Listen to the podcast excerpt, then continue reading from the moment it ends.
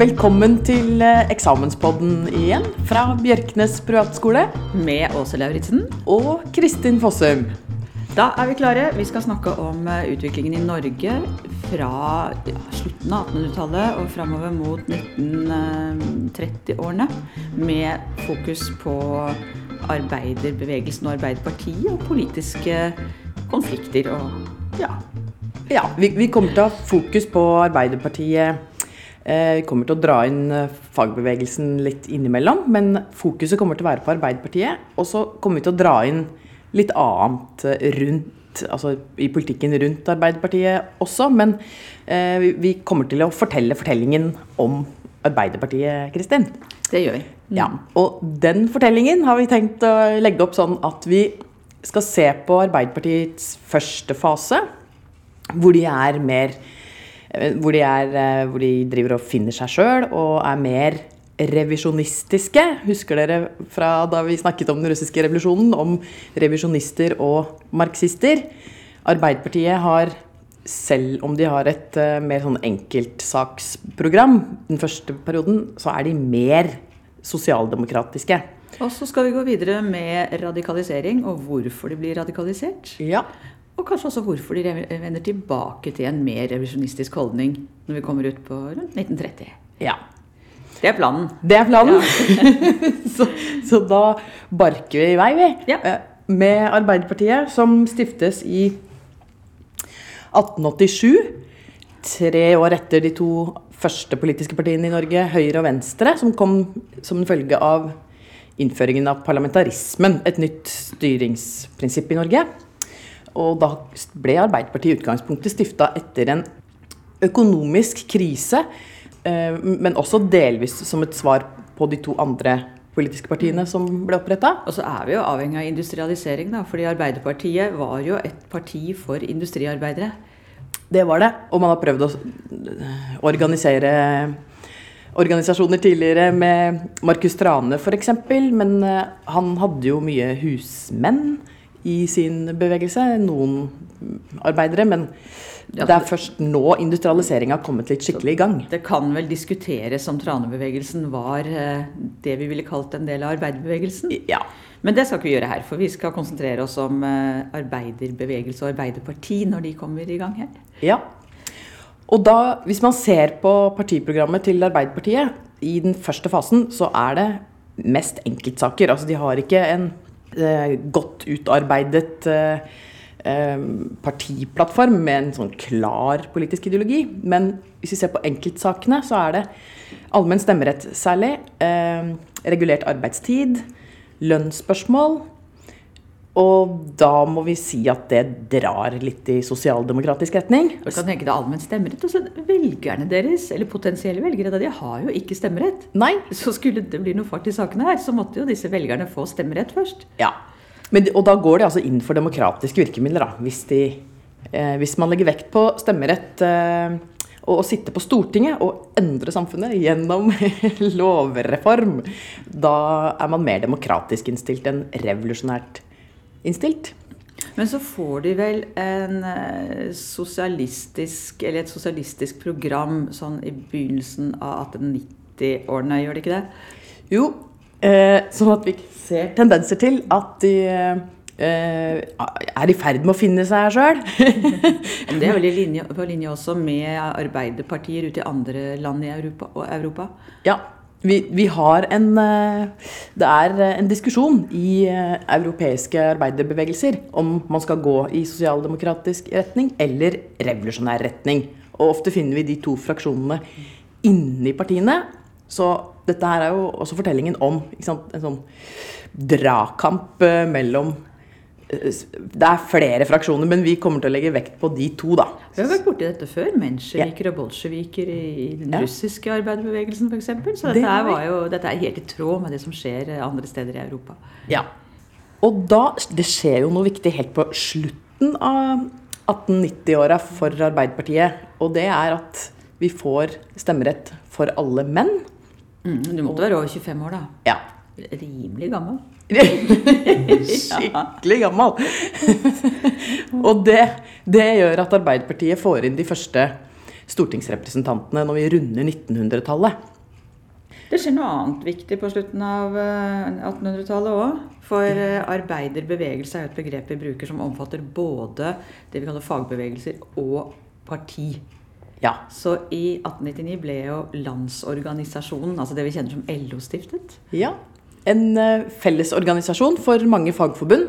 Uh, den kommer etter en uh, del ganske harde arbeiderkonflikter, streiker, på 1870-80-tallet.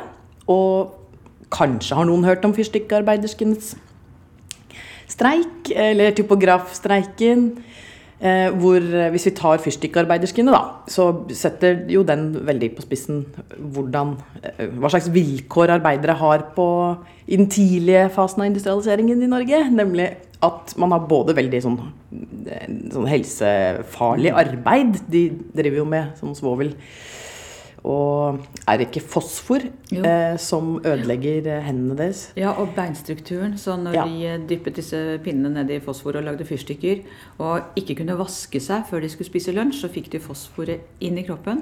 Og så ble altså, beinsubstansen angrepet og nærmest smuldret opp. Så det fins sånne bilder av disse jentene som har nesten ikke kjeve igjen, fordi Nei. Eh, de er, er skadet av dette fosforet. Ja.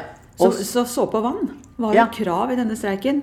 Ved siden ja. av lønn, selvfølgelig, men uh, tenk ja. på det. Tenk på det, ja. Og de tjener dårlig. De tjener uh, halvparten omtrent av det menn tjener. Og så blir det veldig tydelig da at fyrstikkarbeiderskene de, de klarer å holde ut en stund, men de får jo ikke lønn. Så til slutt så må de gi opp fordi de ikke er organiserte. Mm. Men dette var vel en vekker ikke bare altså sånn for Arbeiderpartiet, men også politisk sett i Norge at f.eks. Venstre også hadde jo en del krav som gjaldt arbeiderne. De var jo ja. litt konkurrenter til Arbeiderpartiet i starten. Ja. Eh, og, og, når man så hvor ille forholdene var, så fikk jo dette her etter hvert tankene over på at arbeidsgivere og staten til og med kan kanskje ha et visst ansvar. Ja. Og Venstre gjennomfører en del sosiale reformer allerede fra 1890-åra framover. Mm -hmm. Så Um, men da stiftes LO på slutten av 1890-tallet, så da har vi med, har vi med fagforeninga, LO. Videre framover nå så samarbeider jo Arbeiderpartiet og LO, men vi kommer til å ha vekt på Arbeiderpartiet, da. Men så skjer det jo noe i 1905 som eh, endrer vilkårene for Norge. Ja, da splittes unionen mellom Norge og Sverige. Og eh, dette etter en lang og slitsom unionskamp. Eh, nå kan vi nesten kalle det brexit. Kristin? det er litt, så, litt samme Ikke svexit? Nei, for det er ikke Sverige går ut. så, så norsk Ja. Eh, det, det, som i hvert fall kan ligne litt, da, er at denne prosessen har vært veldig slitsom. Man har ikke gjort noe annet siden 1895 i hvert fall, enn å krangle og forhandle om denne unionen, og særlig konsulatsaken, da, som vi ikke går inn på her. Men eh, dette har tatt fokuset vekk fra nesten alt mulig annet, akkurat som brexit har tatt all politisk energi i Storbritannia. Ehm, så har vi Så kommer vi oss nå ut av union med Sverige. Altså, Unionssaken er over. Ja, og da lanserer vel statsminister Christian Michelsen det han kaller den, eller det som blir kalt den nye arbeidsdagen. Nå gjelder det bare å brette opp ermene og gå i gang med å skape det nye Norge. Og da blir jo fokuset større på en, ja, hvordan de borgerlige partiene skal forholde seg til sosialistiske partier, da. Eller det er jo bare Arbeiderpartiet, men ja. Mm. Så det skjer jo noe med Arbeiderpartiet utover de første, eller andre tiåret på 1900-tallet òg, da. Fordi eh, Arbeiderpartiet, som har hatt nå et sosialistisk program, de eh, blir jo radikalisert. Altså fra å være skal vi kalle det reformister til å bli revolusjonære. Ja. ja. Nå, nå, kommer det en ny generasjon det det, vet du. på banen. Mm. Og vi kan nevne kanskje ett navn. Eh, Martin Tranmæl Eh, google Martin Tranmæl, folkens, så skal dere få se et eh, revolusjonært eh, ansikt. så det er altså ut med gamlegutta, de som stiftet partiet, Carl Jeppesen og Christian Holtemann Knutsen. Det er liksom disse her eh, trauste som startet opp. Ja. Og så er det over til de unge og revolusjonære. Men da er jo spørsmålet hva var det som radikaliserte dem? Altså, hva var det som virket inn slik at den unge generasjonen tar partiet i en revolusjonær retning. Det må vi jo se litt på. Ja, vi må se litt på det. Og det er mange ting. Hvis vi starter med litt sånn grunnleggende årsaker, så ja, Vi har jo hatt industrialisering på gang i Norge siden 1850-åra omtrent. Men den har stort sett kommet til eh, Oslo, eller Akerselva. Eh, men i perioden 1900-1910 så industrialiseres Norge. Og det kommer altså i et tempo som er helt ekstremt. I løpet av altså I 1900 er flesteparten sysselsatt i jordbruket i Norge. I 1910 er eh, industriens største næring i forhold til sysselsatte. Ikke bare det, men vi får på en måte den første og den andre industrielle revolusjonen på en gang. Både en mekanisk eh, revolusjon eh, i eh, ja, mekaniske verksteder f.eks. Men også eh, så kommer den såkalte andre industrielle revolusjonen, som er basert på vitenskapsbasert teknologi Eh, elektroteknisk og elektrometallurgisk industri særlig. Og elektrokjemisk. F.eks. Norsk Hydro er et typisk eksempel på det. da. Det overlater vi til deg, vet du også. Det, det, er, det er, ditt bord. Men, men altså, det, ja, det var industriproduksjon på 83% på ni år mellom 1905 og 1914. Altså ja. en økning i produksjonen. Ja. Det er formidabelt, altså. Ja. ja. Og for folk flest da, så betyr dette bl.a. at man eh, flytter fra bygda, man har mekanisert jordbruket, flytter fra bygda inn til byen. Altså fra en tilværelse som eh, ja, husmann eller jordbruker, da, til å leve etter klokka i en eh, støvete fabrikk. Altså livet, På landsbygda hvor livet ditt var regulert av været og sesongen, ja. og plutselig må du forholde deg til klokka. Ja. Ikke sant? Det er på jobb klokka sju, hjem klokka seks. Ja. Eller sju. Eller. Ja. ja. uh, og hvor ikke minst uh, dette her slektsbåndet, slektssamfunnet, gikk delvis i oppløsning. Du hadde, kom kanskje alene. Ja. Uh, du kom kanskje sammen med kona di eller mannen din. Men du hadde ikke den der basisen i slekta. Alle visste hvem slekta di var, du visste hvor du hørte til osv. Altså, det der må jo også oppleves som veldig tøft. Du blir litt rotløs. Ja. En stor omveltning for mange i det daglige livet. Og så blir det også ganske tydelig at, det, eh, at klasse, altså klasseforskjellene da, blir tydelige. Man har jo kunnet se det før òg, men f.eks. på Rjukan da, så bor jo arbeiderne nede i skyggenes dal, holdt jeg på å si. Bokstavelig talt skyggenes dal. Bokstavelig talt. Mens eh, ingeniører og funksjonærer bor oppe i eh, åssida hvor sola kommer først. Så det blir veldig sånn tydelig at vi får mye større klasseskiller da. Eh, dette bidrar til radikaliseringen av Arbeiderpartiet. Så har vi en del andre faktorer. Vi har også en indre ja, som splittelse. vi var inne på, så er jo dette generasjonsskiftet. Så det var jo en konflikt innad i arbeiderbevegelsen, altså både eh, LO og Arbeiderpartiet, mellom den gamle Eh, stiftergenerasjonen, for å kalle det det, mm. som gjerne ville jobbe fra sak til sak. Altså Det gjaldt å få gjennom det, så kunne det gå i gang på det nye prosjektet og få gjennom det. Mens den nye generasjonen ville jo ha et sånn klart partipolitisk program, hvor man slo fast at den eneste måten man kunne skape et bedre samfunn på, det var å, gjennom en revolusjon. Ja. Altså en total omveltning. Ja. Så, og, og, denne konflikten er jo også faktisk med på å dra det i radikal retning. Fordi de gamle begynner rett og slett å bli gamle. Og de nye er de kommende stjernene. ja. Så har du personligheter som nevnte Martin Tranmæl. Ja. Som jo er en eh, Som også sa, google han og se. Men han var visst en, en, en, sterk og karismatisk taler. Ja. Og man kan oppnå mye med ord. Ja, det kan man. Så kommer det litt sånn tekniske årsaker, bl.a. Eh, stortingsvalget i 1915, hvor arbeider som vi nesten kan sammenligne med presidentvalget i USA som var nå. Hvor eh, Hillary Clinton vinner med mange stemmer på landsbasis, mens eh, Trump da faktisk vinner valget. Vi hadde samme valgordning som de har i USA nå.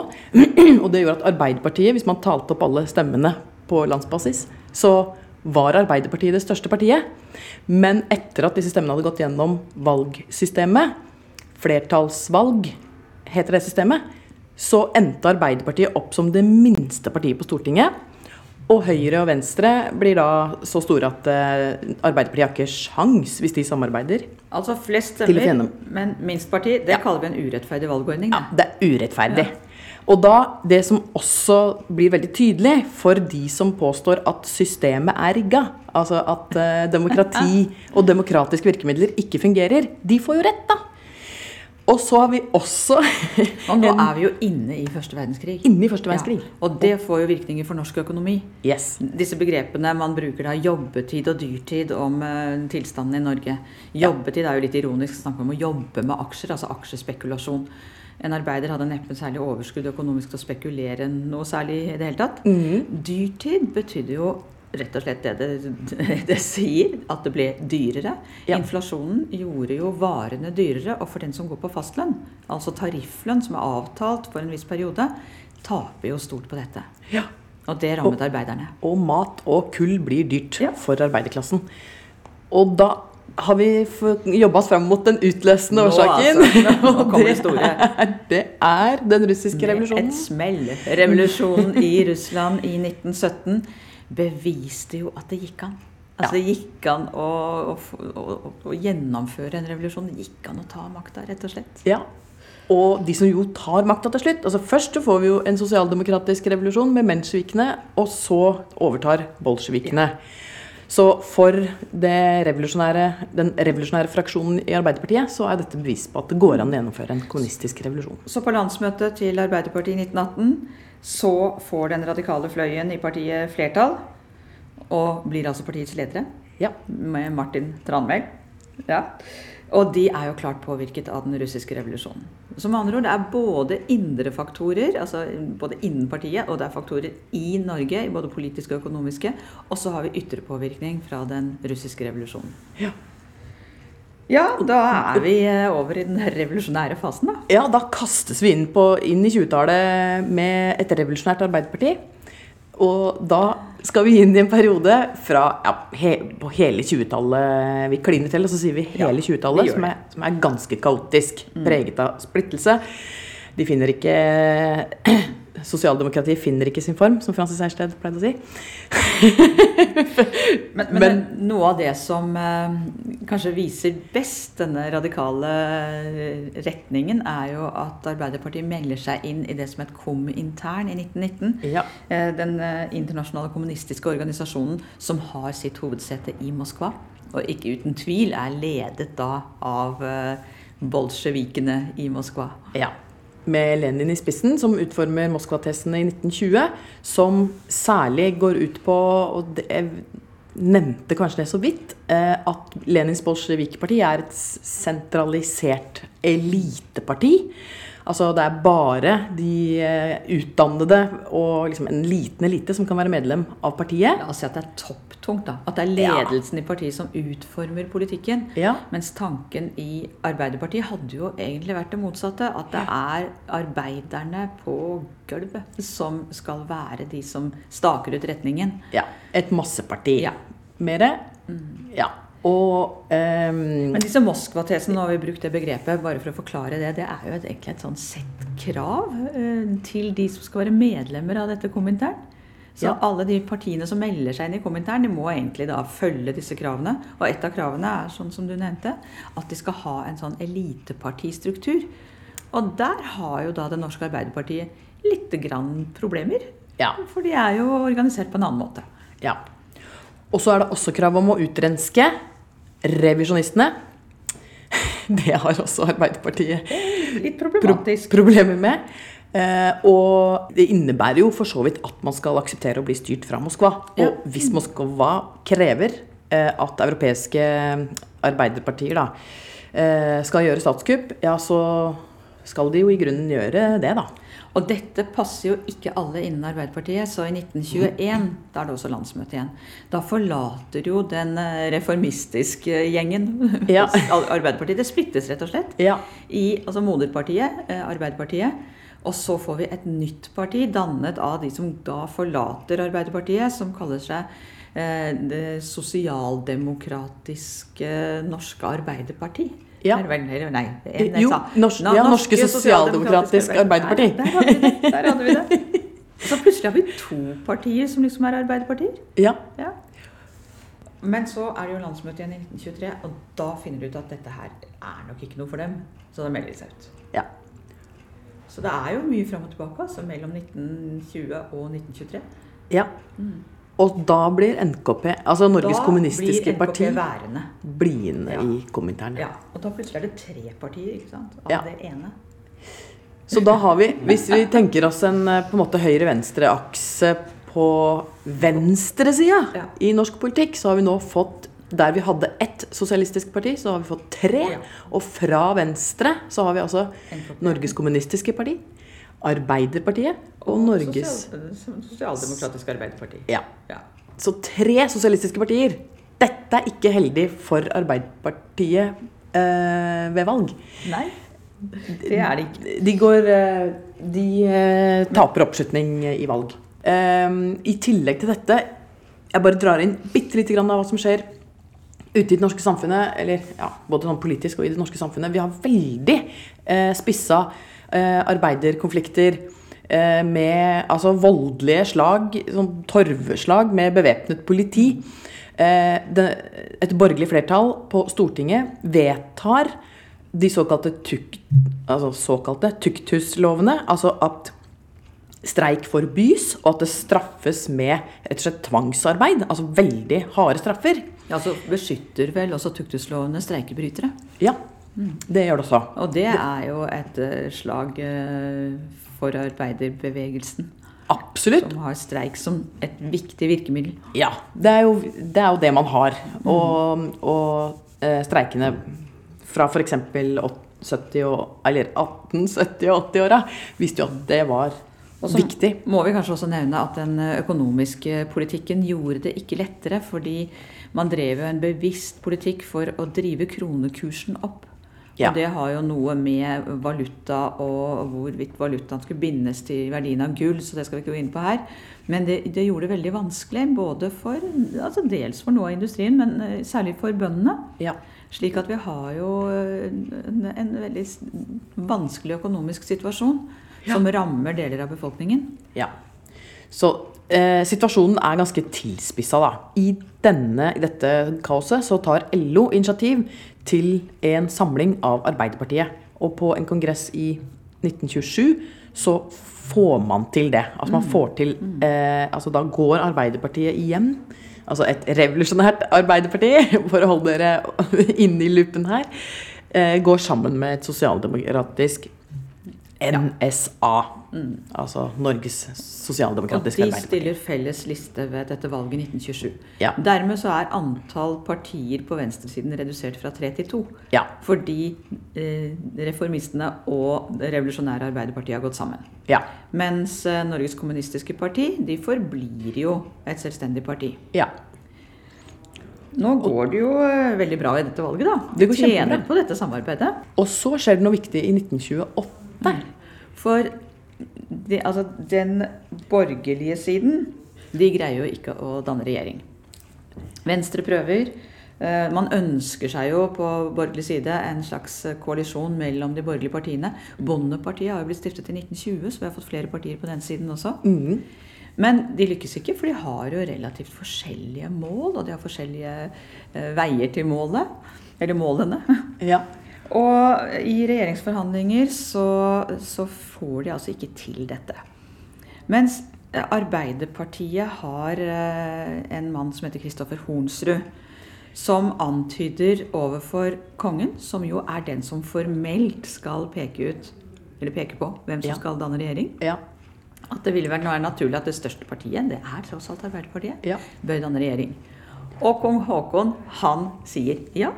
Han kliner er til. Så han, og da, dette er jo ganske morsomt, da, for da har det stått i, i Aftenposten i denne eh, anledningen her at den som liksom, i det hele tatt antyder å samarbeide med fienden, han bør bringes til taushet. Ja. Og den som da antyder at kanskje denne fienden bør danne regjering, er selveste kongen. Ja. Det er sterke saker. ja sterke saker. Ja. Og derfor danner altså Arbeiderpartiet regjering med denne Kristoffer Hornsrud som statsminister. Men før det For første gang i norgeshistorien. Ja. Den første Arbeiderpartiregjeringen. Men det var altså ikke så lett, fordi innen partiet var det stor uenighet om Ja. det skulle danne regjering eller ikke. For den, eh, altså selve partiapparatet, for å si det sånn, eh, de mente jo at vi er jo tross alt et revolusjonært parti. Her kan vi ikke gå inn og jobbe innenfor de parlamentariske rammene. Vi vil ha revolusjon, vi kan ikke drive og lefle med, med høyresiden, for vi vil jo tross alt være i mindretall i denne regjeringen. Altså vi er et mindretallsregjering. Mm. Og da må man svelge, som dere vet, enorme kameler. Mm. Mens uh, stortingsgruppen, og Kristoffer Hornsrud selvfølgelig, uh, de mente jo at de hadde en, uh, et slags en plikt overfor velgerne. Å vise dem at når de har stemt på dem, så skal de også ta makten mm. når de har mulighet. Altså regjere når de har mulighet. Hva gjør man da? Jo, man eh, tar makten, danner regjering, men selve regjeringens tiltredelseserklæring, den talen statsministeren holder når regjeringen skal på, den var utformet så revolusjonært at de var sikre på at det kom til å bli felt ganske raskt. For Kristoffer Hornsrud han avslutter nemlig denne tiltredelseserklæringen med å si at målet framfor alt er jo å omskape Norge til et sosialistisk samfunn. Mm. Og så har de liksom snakket sånn innimellom der at de vil nasjonalisere bankene og skremt, og storindustrien. Ja, og ja. skremt vettet av den borgerlige siden. Ja. Så denne regjeringen den går på jeg tror det var 27. januar i 1928, og så blir den felt 8. februar. Så det sitter ja. altså knapt 14 dager. Ja. De borgerlige får samla seg, i hvert fall. Ja. og, det, og, ja, og stiller det, første, det første ordentlige mistillitsforslaget i Norge da. Så det skjer masse i 1928. Så her får man virkelig prøvd ut parlamentarismen? Altså. Ja, her får man prøvd ut mm. parlamentarismen. Mm. Ja. Også, også, da, men, og det som kanskje er viktig, som vi kanskje må nevne, er at Arbeiderpartiet nå eh, altså Alle som stemmer på Arbeiderpartiet, og medlemmer i Arbeiderpartiet, og, de, de ser jo at det er mulig å ta regjeringsmakt. Da. Så det er det viktigste for dem. De har mm. vist at de kan.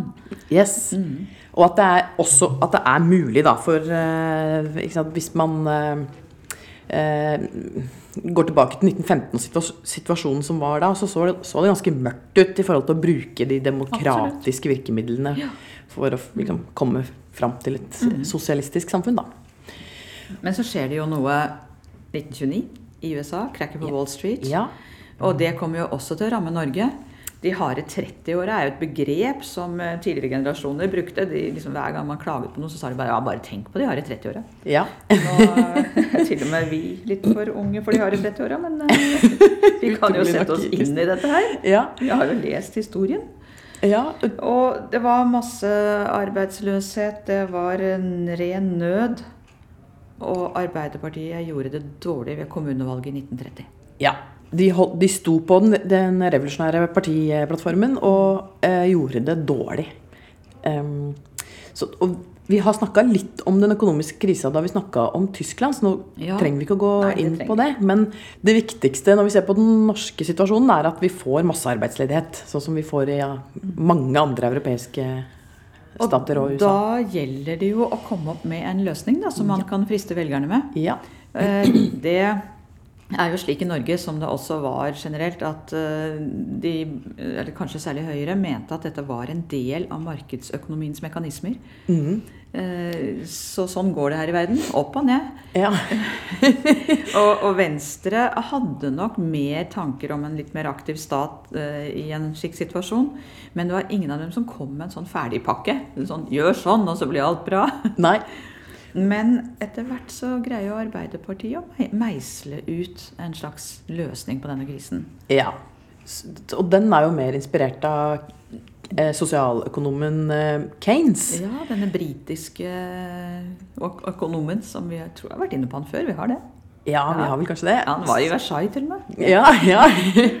Som mener at man, staten bør i større grad gripe inn. da. Altså Hvis man er liberalist slash ja, ja, Hvis man er liberalist, så mener man jo at en sånn økonomisk krise rensker vekk daukjøttet, og at uh, næringslivet må omstille seg. Altså at det er næringslivet, endring i næringslivet, uh, som skal skape ny etterspørsel, da. Men Keynes han mente jo at staten måtte være aktiv, sprøyte ja. inn penger, få i gang uh, arbeidslivet igjen. Ja. få i gang altså statlig initiativ for å skape arbeidsplasser osv. Dette skal sette i gang hjulene. Ja. Og det er, det jo en ganske interessant sak som skjer her. I 1933 så fikk jo Arbeiderpartiet eh, rekordoppslutning ved valget. Ja. De hadde nemlig gått inn med slagordet 'Hele folket i arbeid' yes. og noe annet som jeg syns er kjempespennende. By og land hand i hand. Ja. Og den valgplakaten Arbeiderpartiet har før det valget, illustrerer dette her. For der kan vi se tegning av en fabrikk. Eh, vi kan se tegning av en håndverker, en smed, tror jeg. Vi kan se en fisker, og vi kan se en bonde. Og dette er helt nye grupper som Arbeiderpartiet nå frir til. Hva har skjedd med det revolusjonære Arbeiderpartiet? Ja. Valg, eller, eh, valgplakatene fra eh, tidlig på 20-tallet, der står det jo 'Se revolusjonen lyser over verden' og 'Gi vakt' og sånn. Så nå har det skjedd noe viktig med Arbeiderpartiet, og det er at de har gått i en eh, sosialdemokratisk eh, retning. De heller nå mot eh, sosialdemokratiet en smule mer pragmatiske, ja. kan vi kanskje si også? Ja. Og at de nå i større grad eh, ønsker å på en måte svare litt på lokalvalget. Altså Velgerne ga jo klare tilbakemeldinger om at uh, revolusjonen var de nok ikke så interessert i. Uh, og da, når vi kommer uh, Da er nå, i 1933, hvor Arbeiderpartiet vinner gjør egentlig et brakvalg, da, så er de det største partiet, men de har ikke flertall hvis borgerlige partier samarbeider. Mm. Eh, men så, så, går det to år, eh, og så kommer vi fram til 1935, hvor da regjeringssamarbeidet sprekker. Et borgerlig regjeringssamarbeid sprekker. Og Arbeiderpartiet kommer på med Johan Nygaardsvold som statsminister med sitt kriseprogram. Altså for det første et kri Først et kriseforlik. De samarbeider med på en måte en av fiendene, altså Bondepartiet, som jo er, er nærmest kapitalister. Fordi eh, bøndene har jo altså, grunnleggende vært skeptisk til uh, sosialismen. Uh, særlig fordi sosialismen da ikke er så veldig begeistret for privat eiendomsrett, så er jo det en naturlig skepsis. Ja. Og nå går disse to partiene inn i dette kriseforliket. Ja. Og her er det snakk om å gi og ta, altså. Ja. Virkelig sånn ok, hvis jeg får det, så får du det. Eh, økte smørpriser. Ja. Da kan man tilfredsstille bøndene litt. Men da vil vi innføre 1% omsetningsskatt. Ja. For å kunne øke statens inntekter. Ja.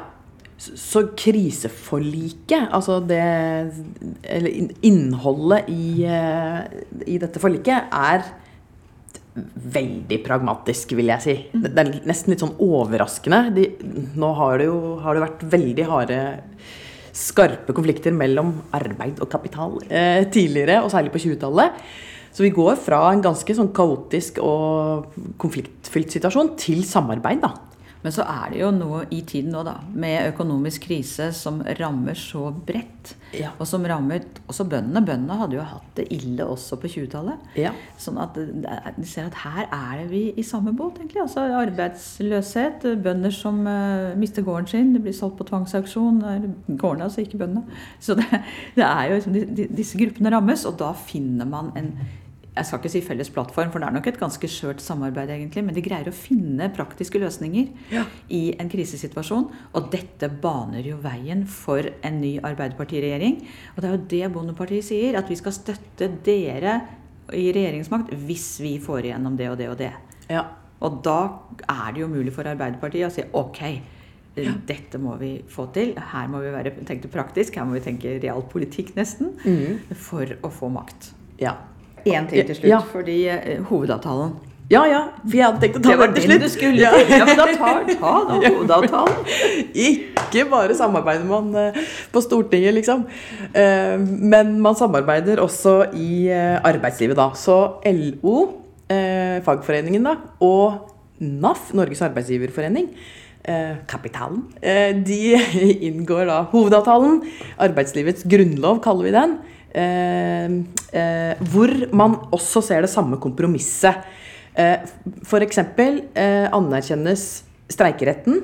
Altså arbeidsgiverne anerkjenner at arbeid, eller fagorganisasjonene har rett til å streike. Eh, eh, og samtidig anerkjenner fagforeningene eh, fredsplikten. Altså at man ikke har lov til å streike utenom lønnsoppgjøret. Så, sånne typer kompromisser går igjen både i hovedavtalen og i kriseforliket. Så 1935 kompromissenes år. Ja, og dette stabiliserer jo. ja, ja, dette stabiliserer. det kan du være enig om. Ja. ja. Og, så, og kort applaus, altså, til folka som i en kaotisk krisetid falt ned på demokratiske virkemidler. Ja, det må vi si. Kort applaus.